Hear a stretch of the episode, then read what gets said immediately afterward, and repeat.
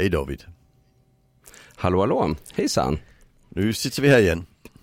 Ja det gör vi. Ja. Och eh, ska prata om eh, ja, en, en, en studie som är väldigt välgjord kan vi säga. Det tycker jag absolut. som, kom, ja. Ja, som kom för några år sedan. Den är väldigt noga gjord. Det, ja, oerhört ja. faktiskt. Det, är spännande att läsa den typen av ehm, utav studier där man får den här bilden utav hur, hur forskning kan gå till när, man, ja. när det, man måste gå in i allting. För de har alltså tittat på över tusen olika polisrapporter och gått in. Den heter Police reported school violence among children below the age of criminal responsibility in Sweden. Signs of increased sensitivity and segregation. Så det handlar alltså om eh, polisrapporter eh, med våld och det är barn under 15 år. Eh, och hur man, gör, hur man anmäler och en del kring, kring det då eh, kopplat till skola. Precis, och det är Anneli Weinig och Anders Kastman som har skrivit den. Ja, och den är publicerad i Journal of Scandinavian Studies in Criminology and Crime Prevention. Just eh, precis. Så är det. Och den, 2018. Ja, 2018. Ja, precis. Mm. Och det de har tittat på det är ju polisanmälan i tio kommuner i Stockholmsregionen från 2001 till 2010. Eh, så det är ju inte helt färska siffror men det, Nej, precis. Men eh, eh jag tänker att det tar så lång tid att göra en sån här ja. studie också. Jo, men så det tar ett tag det är en del av att gå igenom det ja, och, sen, och hitta. Ja, ja. Mm. Och vi kan säga att det de har gjort är att de har tittat på polisanmälan och sen har de till och med försökt ta reda på vilket barn det var. Och, ja, äh, och, och, det står ju inte i polisanmälan för de är ju anonyma. Mm. Så de har alltså varit i kontakt med varenda skola i de här tio kommunerna för att försöka ta reda på, inte barnets identitet är inte viktig, men ålder och äh, vilken skola det är. Det är de faktorer ja. de har tittat på. Eh, Därför att man ville kunna koppla det till eh, socioekonomiska eh, frågor. De ville titta på hur många pojkar och flickor på skolan, stora, små, vilka grupper de gick i. Alltså det var en väldigt massa olika ja, variabler som de ville ja. ha med så att säga i det här. Mm. Ja, och vi kan ju säga att de har lyckats någorlunda och få tag i det där. Det är några få saker de inte får tag i till exempel så. Ja, det var några procent. 5 procent vet de inte vilket kön det är till exempel. Nej, just det. Men de vet vilken skola de gick på, det är ganska intressant. Ja, just det, precis. Just det, just det. Ja. Eh, och eh, det var då 7 till 14 år. Eh, så att det är det är det åldersspannet som man har tittat på. Precis, det är ju då grundskolan. Upp, ja, upp, de är... ja, upp tills man blir straffmyndig. Just det, precis. Ja. Så innan dess ja. Mm. Och det har ju hänt en del saker. Alltså dels har ju eh, benägenheten att anmäla brott ökat. Alltså hela vägen från 50-talet finns det rapportering eh, eh, överhuvudtaget. Överhuvudtaget, i hela Sen samhället. har det hänt, eh, ja i hela samhället och i hela västvärlden kan man också ja. säga. Eh, men sen har det ju hänt särskilda saker när det gäller skolan och, och hur man har förhållit sig till det. Ja. Och det kan vi ju säga att de ser ju en ökning, de ser en liten minskning från 2001 till 2002. Eh, mm. Men det som hände 2002 det var att eh, skollagen den poängterade plötsligt att eh, det kriminalpreventiva ansvaret för skolan ökade. Och man, man intensifierade det vi kallar SSP, alltså skola, socialförvaltning, polis, samarbetet i kommunerna. Och det innebar faktiskt att det ökade polisanmälning år efter år efter år. Fram till... Ja, jättemycket från ja. 2002 fram till 2009. Ja. Och sen i 2010 där kommer då äh, äh, skollagen som, alltså den som heter skollagen 2011. Äh, den, den blir ju då offentlig och där tonar man ner det här kriminalpreventiva ansvaret och det innebär Ja skollagen kom 2010 ja, och sen kom läroplanen 2011. Ja. Mm, precis. Men, men det innebär då att man, man tonar ner det kriminal, kriminalpreventiva mm. ansvaret och då, och då minskar plötsligt polisanmälan igen. Ja, och då kan vi säga att eh, ökningen där från 2002 till 2009, den var alltså mer än tredubblad. Ja. Så det var ju en väldig skillnad faktiskt. Ja. Och jag tycker mm. det är jätteintressant att det kriminalpreventiva ansvaret ökar och därför polisanmäler vi brott som redan har begåtts. Mm. Det, det, är ju jätteintressant. Det är inte, preven det är inte prevention. Ja, det, det, är verkligen inte prevention. Det är ju,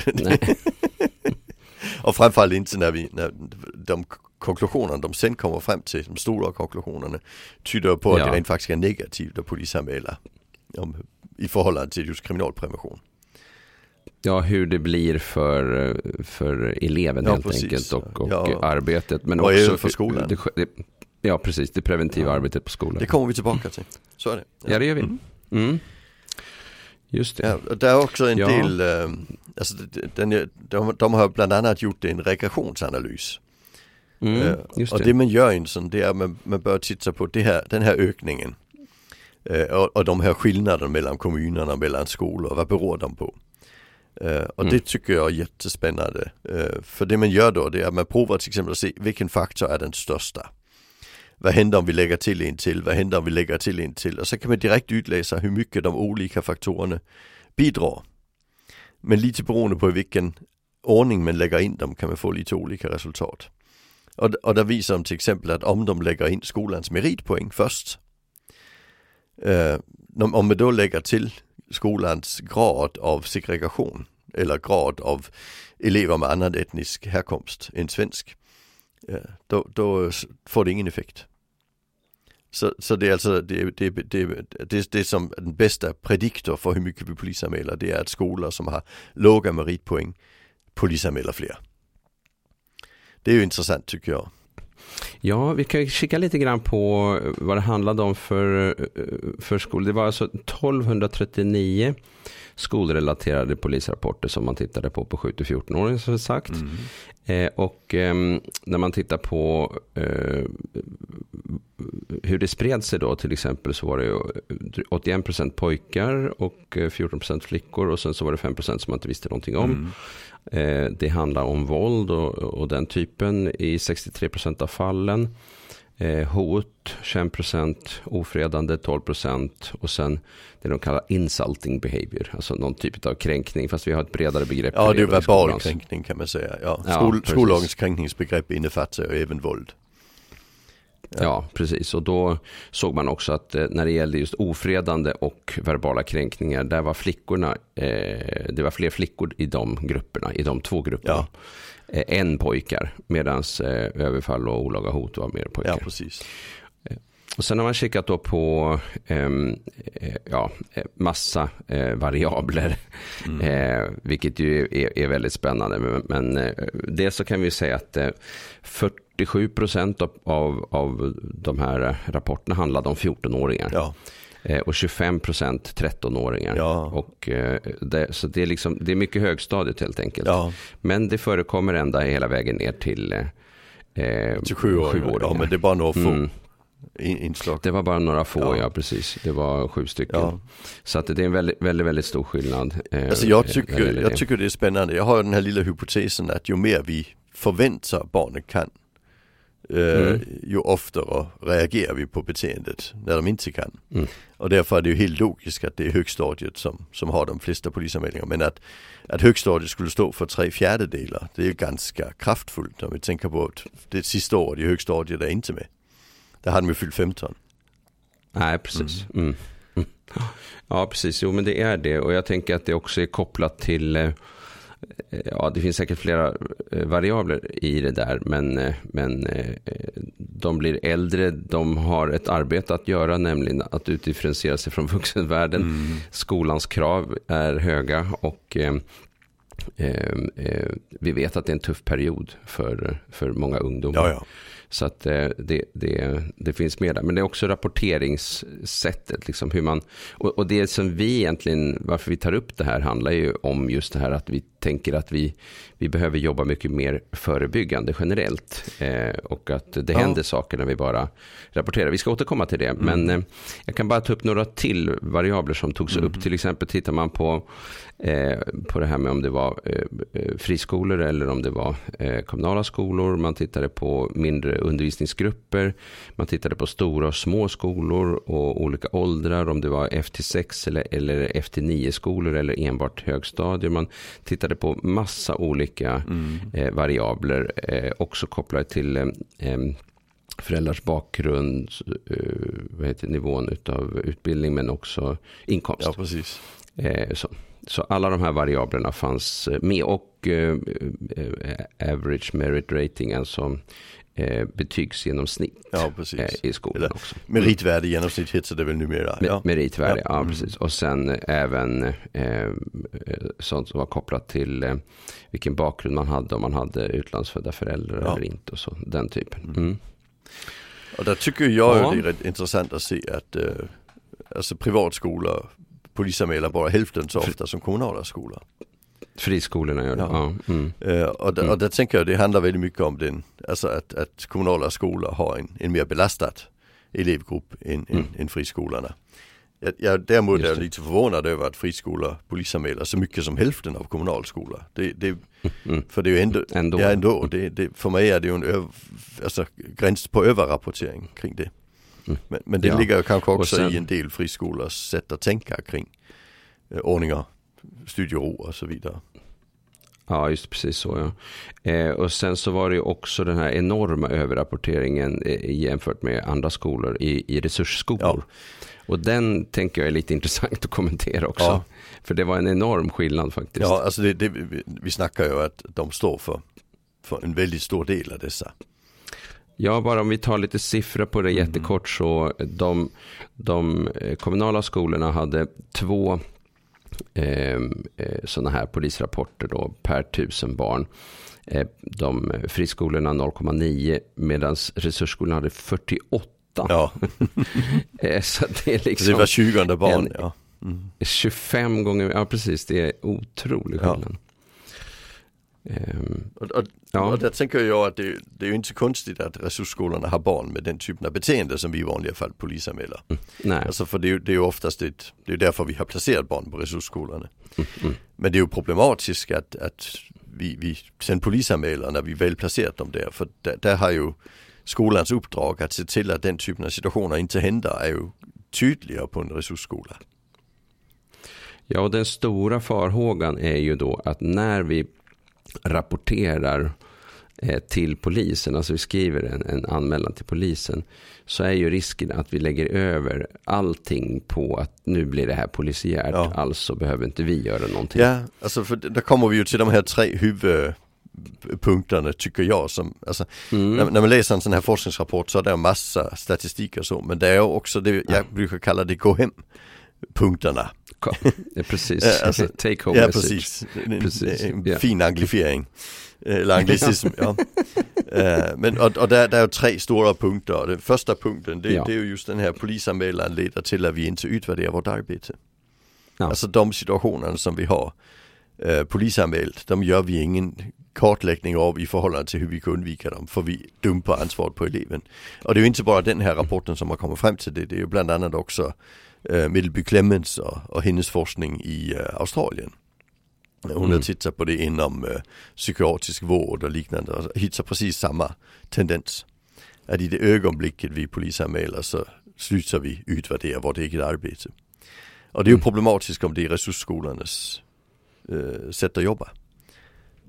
Ja, det är extremt problematiskt mm. Eh, med tanke på att, på att det eh, ju är elever som, som har så stora eh, stödbehov eh, och att ehm, ehm, eh, det viktigaste man kan göra där när det händer jobbiga saker det är ju att jobba med utvärdering. Ja, ja precis. Eh, och, och att vi alltid måste också fundera över vad berodde det här till exempel hotet på eller våldsamma beteendet på? Var det kopplat till till exempel överkrav i situationen som ledde till att eleven blev väldigt, väldigt stressad och sen till slut eh, eh ja, inte vet varken ut eller in, ja. får ett utbrott helt ja. enkelt och, eh, och far ut. Ja, eller, eller bristande stöd i rastsituationer så att det händer situationer som, som blir våldsamma. Också. Ja, och, och det, är ju, det är ju skolans ansvar. Alltså, jag tycker ju det Alltså jag personligen tänker att polisanmälan är ganska meningslöst i de allra flesta fallen. Eftersom de här, det, det är ju situationer som inte kommer att medföra någon typ av polisiärt arbete. Eftersom barnen är ju, Nej, de läggs ner de är ju mindreåriga. Uh, mm. så, så de kommer ju bara läggas ner. Uh, så det, det, är ju ingen, det blir ingen som helst Alltså om man tänker vi polisanmäler för att eleven ska lära sig något. Det, det kommer inte att funka. Uh, Nej, den konsekvensidén. Ja, liksom, den, att, den, uh, nu använder dig polisen så att inte du, så att inte du eh, gör sådana ja, saker igen. Ja. Det funkar ju väldigt dåligt på personer med, med grava funktioner. Ja, framförallt i resursskolornas målgrupp. Men även i normalgruppen så, så är det ju ingen, mm. alltså det, det, får ingen konsekvens i barnets liv. Det kan bli ett SOS-anmälan man kan bli inkallad till möte mm. på SOS. Men SOS kommer ju... Ja men det kan man, göra, kom... det kan man också göra i och för sig utan polisanmälan. Ja, ja. Faktiskt. Alltså ändå. Jo, jo men, men, det, det... men, polisen måste göra SOS-anmälan när det kommer in en polisanmälan. Så, så det, det blir ja, jo, automatik mm. i det. Men, men å andra sidan så kommer ju SOS kommer ju aldrig någonsin att agera på något som händer i skolan. För SOS brukar säga mm. att det är ju skolans ansvar. Mm. Så, så, så om, om det här innebär att skolan frånsäger sig ansvaret då blir det ju jätteproblematiskt. Då blir det väldigt, väldigt ja, för, för det är ingen annan som tar det. Alltså så, så i så fall blir det ju ett svek att polisanmäla mot, mot skolans ja, eget arbete och mot eleven i situationen. Mm. Och även den elev mm. som har blivit utsatt. Alltså ja, med att vi gör ingen utvärdering för att säkra hur det ska funka nästa gång. Nej. Och det var det, var det första mm. sådana här eh, huvudpunkt. Ja. Mm. Det nästa det är att ju, skolor som polisanmäler mycket förlorar kompetens. Just det att man lägger över sitt ansvar på andra och då eh, tar man inte sitt, sitt kompetensansvar heller Nej, alltså, och, och jobbar vidare. Ja, alltså det, det, vi inte längre gör det förlorar vi kompetens på. Så är det så att vi mm, polisanmäler mm. mycket så gör vi färre utvärderingar och det innebär att vi förlorar den kompetensen. Mm. Uh, och det blir ju problematiskt. Det blir oerhört problematiskt och, och, det där ser vi på, på andra områden också när det inte enbart handlar om polisanmälningar. Att det finns en stor risk att man lämpar över eh, ansvar på någon annan. Ja. Vi har ju till exempel eh, man tänker sig att det ska finnas särskilda personer som jobbar med det sociala samspelet på, på högstadieskolor så att lärarna ska få vara lärare. Ja. Och, och, eh, och, i det så blir det ju som att nej men då behöver inte jag ägna mig åt det relationella fastän vi vet att det är helt avgörande för utbildning. Mm. Eh, så att, så att det, det, blir otroligt problematiskt när man då eh, liksom lägger över vissa delar som borde vara eh, centrala också för lärare till exempel på någon ja. annan.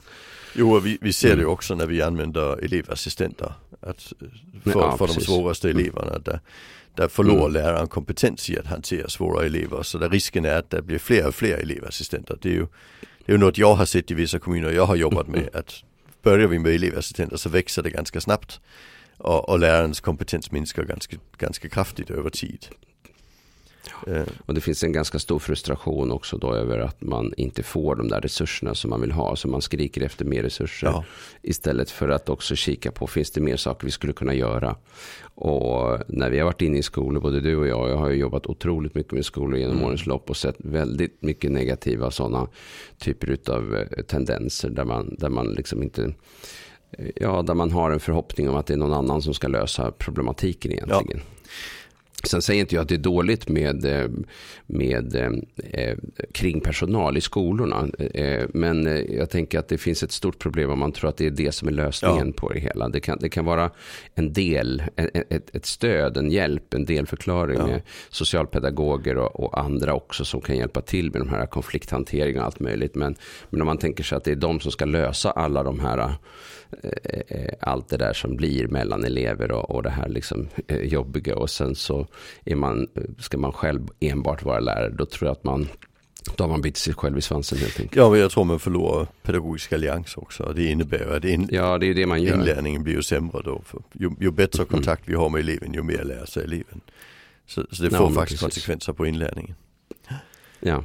Ja, det tredje sådär. Ja, då har vi tredje. Ja, mm. det, det, är ju det här med att uh, det det som den här studien visar det är ju primärt eh, de svagaste elever som drabbas av polisanmälan. Just det. det är alltså mm. eleverna på resursskolan i stor utsträckning. Eh, och, och, det är elever med, med svaga socioekonomiska förhållanden, låga meritpoäng och så vidare.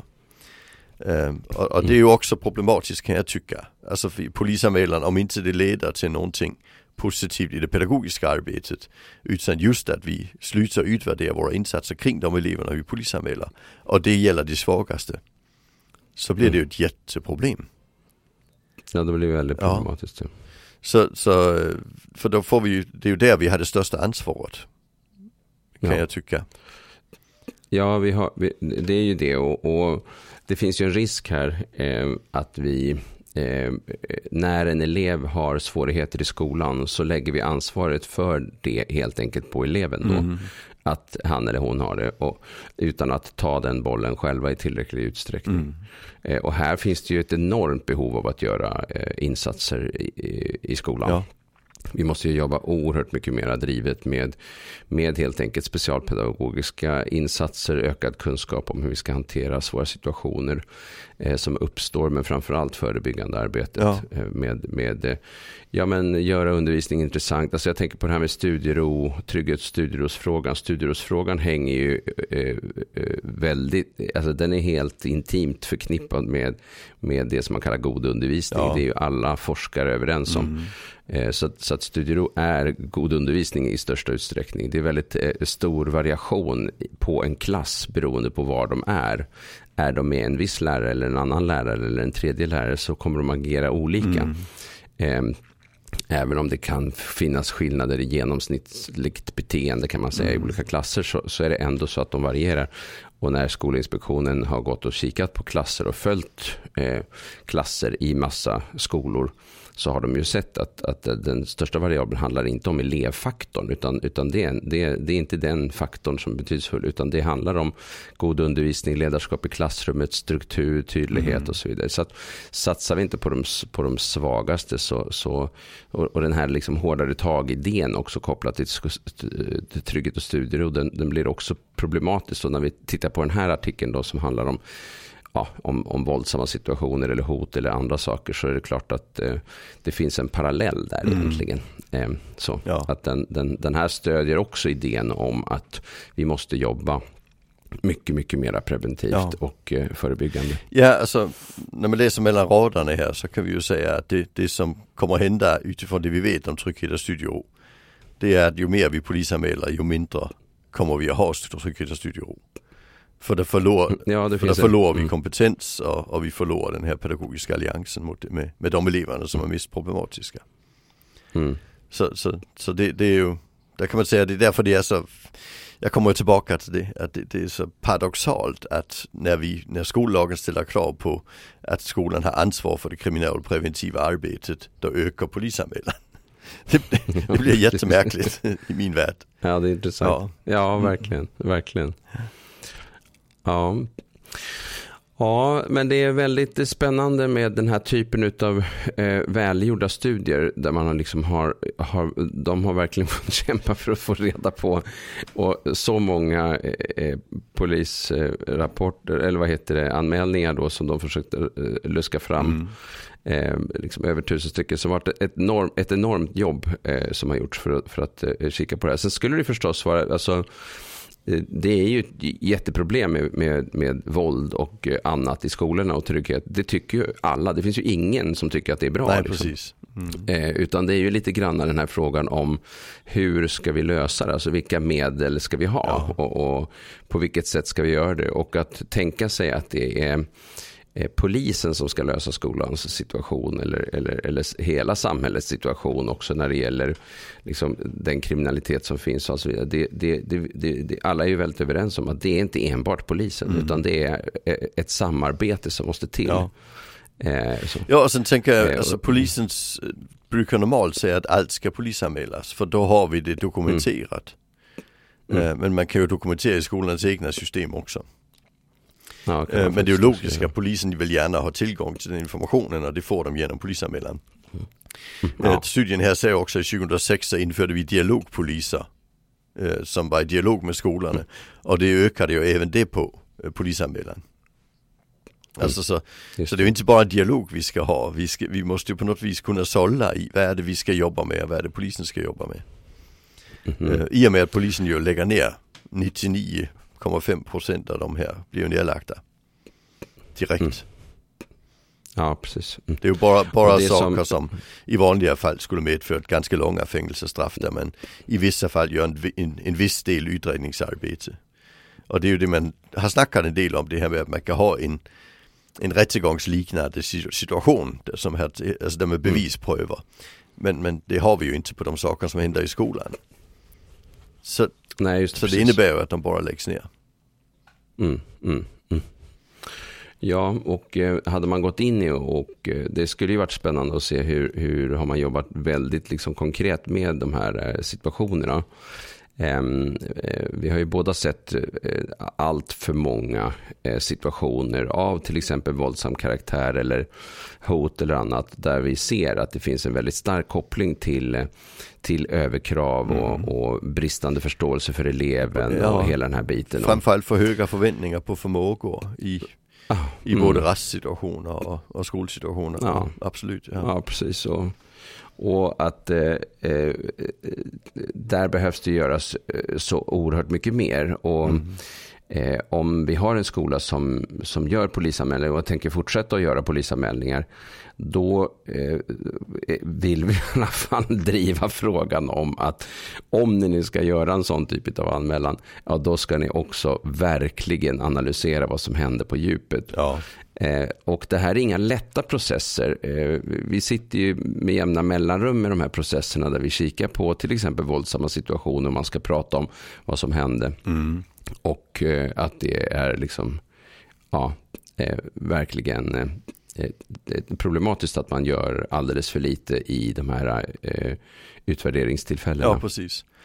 Det, det mm. tycker jag är viktigt. Alltså, jag brukar prata om den här kvalitetssäkringsarbetet som handlar om att ja. vi måste hantera det som händer efter bästa förmåga. Sen måste mm. vi sätta oss ner och utvärdera vad det var som blev fel så vi kan göra förändringar. Det är ja. tredje nivån, gör de förändringar som är nödvändiga för att det inte händer igen. Och, och, och där är problemet ju i det ögonblicket vi säger att det är eleven som är fel och vi polisanmäler eleven. Ja då gör vi ju inte de förändringarna så då kommer det att, fortsätta vara problem. Ja, det, precis. Det, det, är viktigt. Precis. Och där jag brukar hänvisa till, ja. till en p-vakt. Alltså om det är så att du förstår när du har fått en p-bot att det var du som gjorde fel så kommer du att ställa bilen någon annanstans. Men tror mm. du att det är p-vakten som är en idiot, ja så kommer du att fortsätta ställa bilen på samma ställe och få fler p-böter. Och, och den risken är stå i skolan när vi polisanmäler. För vi får liksom lagt det på eleven och, och på polisen istället för på, på vad vi behöver ändra på för att få saker och ting att hända. Ja, den här hållningen att eh, lägga över det på den som så att säga har gjort handlingen utan att kika på vad som har föregått handlingen och vad som händer i det där mötet eh, är ju, eh, är ju alltså, bristerna här i utvärdering är verkligen kärnan tänker ja. jag. Eh, och där finns det en mängd saker som man behöver göra. Bland annat så behöver man verkligen eh, se till att ha tid i samband med sådana här situationer att eh, utvärdera vad var det som hände. Mm. För att eh, det kommer att hända igen om vi inte förstår processerna. Ja. Och då måste vi också förstå vad vi själva gjorde eller inte gjorde. Ja. Eh, för att, eh, för att eh, vi ska kunna göra förändringar som går i, i positiv riktning. Ja, precis. Och det räcker inte alls med att säga att det var, ja men eleven gjorde det här, eller det var fel liksom. Och sen så går man vidare. Utan vi måste, vi måste liksom kika på det mycket noggrannare. Ja. Jo, och jag tänker att den här ökningen i polisanmälan handlar inte om att beteendet hos eleverna har ökat. Nej, alltså precis. Det, det, och det är ju tydligt i, i all statistik att eh, att eh, mängden anmälningar inte står i proportion till en ökning av antalet ja. brott. Och just det, vi har haft en ökning i anmälda brott i skolan sedan 50-talet. Och det är ju mm. inte för att det har ja. blivit fler situationer där barn far illa. Nej. Alltså min, min, min helt anekdotiska eh, erfarenhet i denna sammanhangen är att när jag gick i skolan på 70-talet var det mycket mer våld mellan elever mm. än, vad det var, ja. än vad det är nu när jag kommer i skolan. Det var ju tydligt våld, det var mm. synligt våld eh, på skolgårdar och så vidare som lärarna inte, Slags ja, som lärarna inte på något vis förhöll sig till. Nej, vi har blivit känsliga och det mm. beskriver de i, i den här rapporten. Ja. Eh, alltså att vi har blivit mycket mera eh, eh, noggranna med att anmäla att, att eh, eh, de kallar increased cultural sensitivity. Ja, för våld. Ja. Eh, mm. för, ja, precis. Att vi, vi är mer känsliga för, ja. för, för den här typen och det leder till mer ehm, eh, anmälningar. Ja. Så att, och, ja. Jo, och det, alltså, för, vi kan ju också säga en sån sak, alltså våld på idrotts, i, i idrott har man ju tidigare aldrig polisanmält. Och det är det är bara ett par år sedan vi fick det första, eh, alltså den första hockeyspelaren som blev dömd för något han har gjort på isen i Sverige. Ja. Så vi har ju vi, alltså Mm. våld även i de här, vad ska vi säga, skyddade miljöer där våld är tillåtet. Mm. Har vi ju börjat se att det finns en gräns. Det, Ja, det, det, är ju, det är ju intressant, tycker jag. Alltså, Precis. och även ja. förr i tiden så slagsmål blev ju sällan polisanmälda eftersom det var ju två som slog Nej. på varann. Eh, Men där Ja, läste jag nyligen att två personer har dömts för misshandel av varann. Det är ju Mm, jätteintressant. Båda Ja båda två, det Mm. gjorde man aldrig förr heller utan där, Nej. alltså, där ansåg man ju att misshandel det var när, när någon, någon gav sig på någon svagare i situationen så att säga. Just det. Eh, Men, men Nej, är det liksom och- själva slaget som plötsligt är, är intressant och inte Ja, vilket det. sammanhang det händer Mm. i. Så det är ju en, det är en, en kulturell känslighet för, för våld, absolut. Ja, och eh, vi har sett en, en minskning i den, den, den totala mängden ska man säga, kriminella handlingar Oh ja. har ju eh, minskat. Sen finns det vissa typer av eh, vissa saker som har ökat. Till exempel eh, skjutningarna har ju ökat i Sverige. Ja. Men det totala våldet har ju minskat. Ja och framförallt Eh, så ungdomsvåldet har ju halverats på, på, på 15 Ja. år alltså. Ja. Mm, Det är jättestor skillnad och, och i de, de rapporterna om, och det har man ju då gjort eh, studier där man kikar på Alltså självrapportering till exempel. Har du varit utsatt för Ja. någonting? Har du utsatt någon annan för någonting? Och så Mm. anonyma sådana. Eh, som, ja. Mm. Så att man, man, man hör ju att allting blir sämre. Men det stämmer ju inte riktigt Nej. faktiskt. Nej och alltså brottslighet eh, generellt har ju minskat sen vi började mäta det på 1800-talet.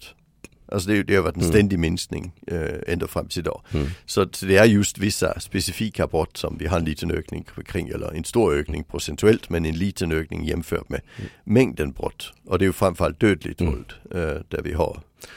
Ja, och Ja. går vi tillbaka till att kika på, alltså om, om, om man tittar så görs det när man tittar på eh, gravar och hittar skelett från förr i tiden och, och gamla, alltså långt tillbaka i tiden, tusentals år och allt möjligt.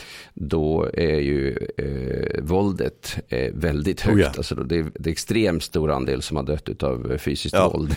Ja om vi går tillbaka till Mm. alltså, tusen år gamla gravar och Ja, men så, 1300-talet precis. och så. Ja det, är- det är mycket, Ja. mycket mer. Ja. Så att det är extremt mycket mer där, våld. där har Mm. vissa våldsforskare säger att vi har haft en, en period från slutet på 1800-talet och fram till, eh, till ungefär ja, runt 2000 där det dödliga våldet liksom har varit extremt lågt historiskt sett. Mm. Eh, Mm. Så är det ju. Så, men det är ju, jag tänker väldigt mycket av det dödliga våldet vi ser nu, det handlar ju om tillgång till vapen som inte fanns på samma sätt. eh, Förr i Nej, tiden. för ehm, ja, och bara går vi tillbaka till 70-talet så var det ju, det var ju extremt mycket mer, eh, vad heter kniv, Ja.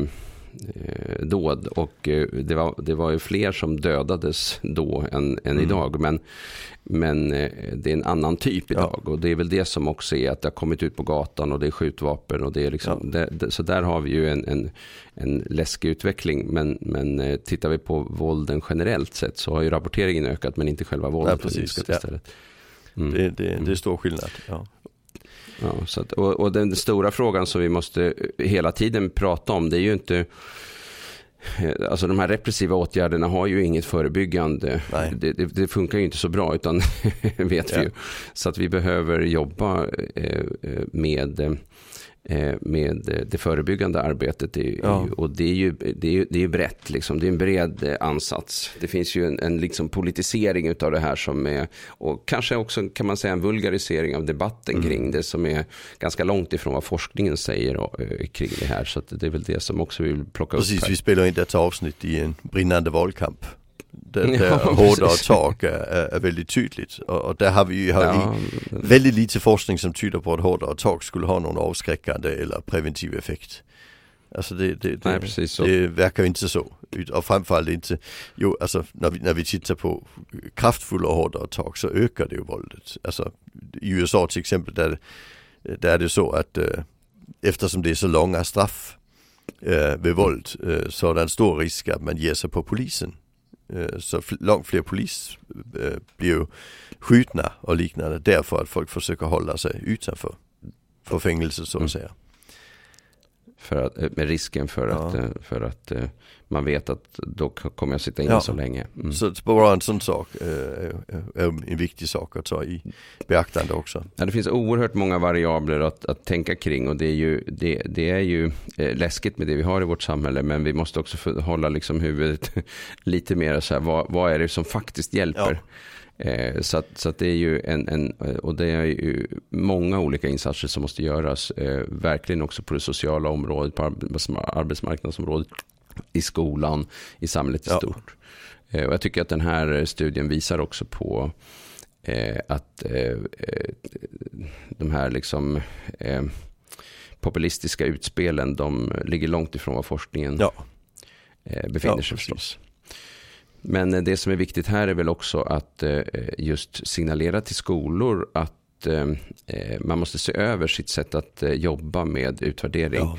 för att hitta de här. Och det är ofta väldigt känsliga kan det vara väldigt känsliga liksom, genomgångar att försöka fundera över vad var det som hände egentligen på detaljnivå. Ja. Och, och, när man sitter i den där typen av genomgångar som jag har gjort och du också mm. många gånger och kring våldsamma situationer och vi ser liksom hur en upptrappning har skett till exempel på grund av en, en vuxen så är det en, en svår situation för en vuxen att kommer börja fundera ja. på oj men liksom, alltså, vi hamnar i skuld och skam och vi hamnar i, i svåra processer och vi hamnar i att eh, kollegor skyddar ja. sin kollega och tycker men det, det fattar jag, det var bara det, liksom, mm. alltså, man vill stötta eh, eh, liksom, fastän då kommer vi inte framåt Nej. heller. Vi måste också komma framåt liksom. och det handlar inte om att sätta dit någon, det handlar om att bli bättre i framtiden. Precis, jag, jag brukar jobba mycket med det här. Istället för att säga vad gjorde vi för fel så tittar vi på hur ska vi göra mm. nästa gång för att det inte ska hända igen. Ja. Så vi, alltså, ja, det, det, det, brukar vara en bättre ingång till att, att, att förändra ja. beteende.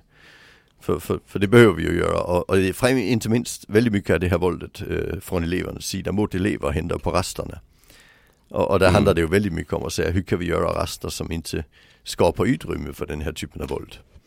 Alltså, Ja, ja, och andra typer utav, utav situationer som händer. Mm. Och vi vet ju att det finns vissa, alltså det finns vissa skolor som jobbar mycket med det. De gör trygghetsvandringar, de pratar med eleverna, vilka områden är känsliga. De sprider ut sig i personalen mm. så att man också ser de här äh, dolda ställena där det kan hända saker och ting. De plockar upp eh, situationer när de händer. De vet att det, det, vi har ju vissa situationer där vi vet att det är extra känsligt till exempel som toaletter, omklädningsrum och ja. andra som känns mer otrygga men också prång och, och, och korridorsändar och, och, andra ställen. Liksom. Mm. Och, vi behöver liksom ha, ha folk i rörelse ja. liksom, för att fånga upp saker som händer. Och, och eh, vissa skolor har ju lyckats faktiskt jättebra att få ner eh, mängden, eh, just eh, upp, upplevelsen utav eh, utav eh, otrygghet ja. och så.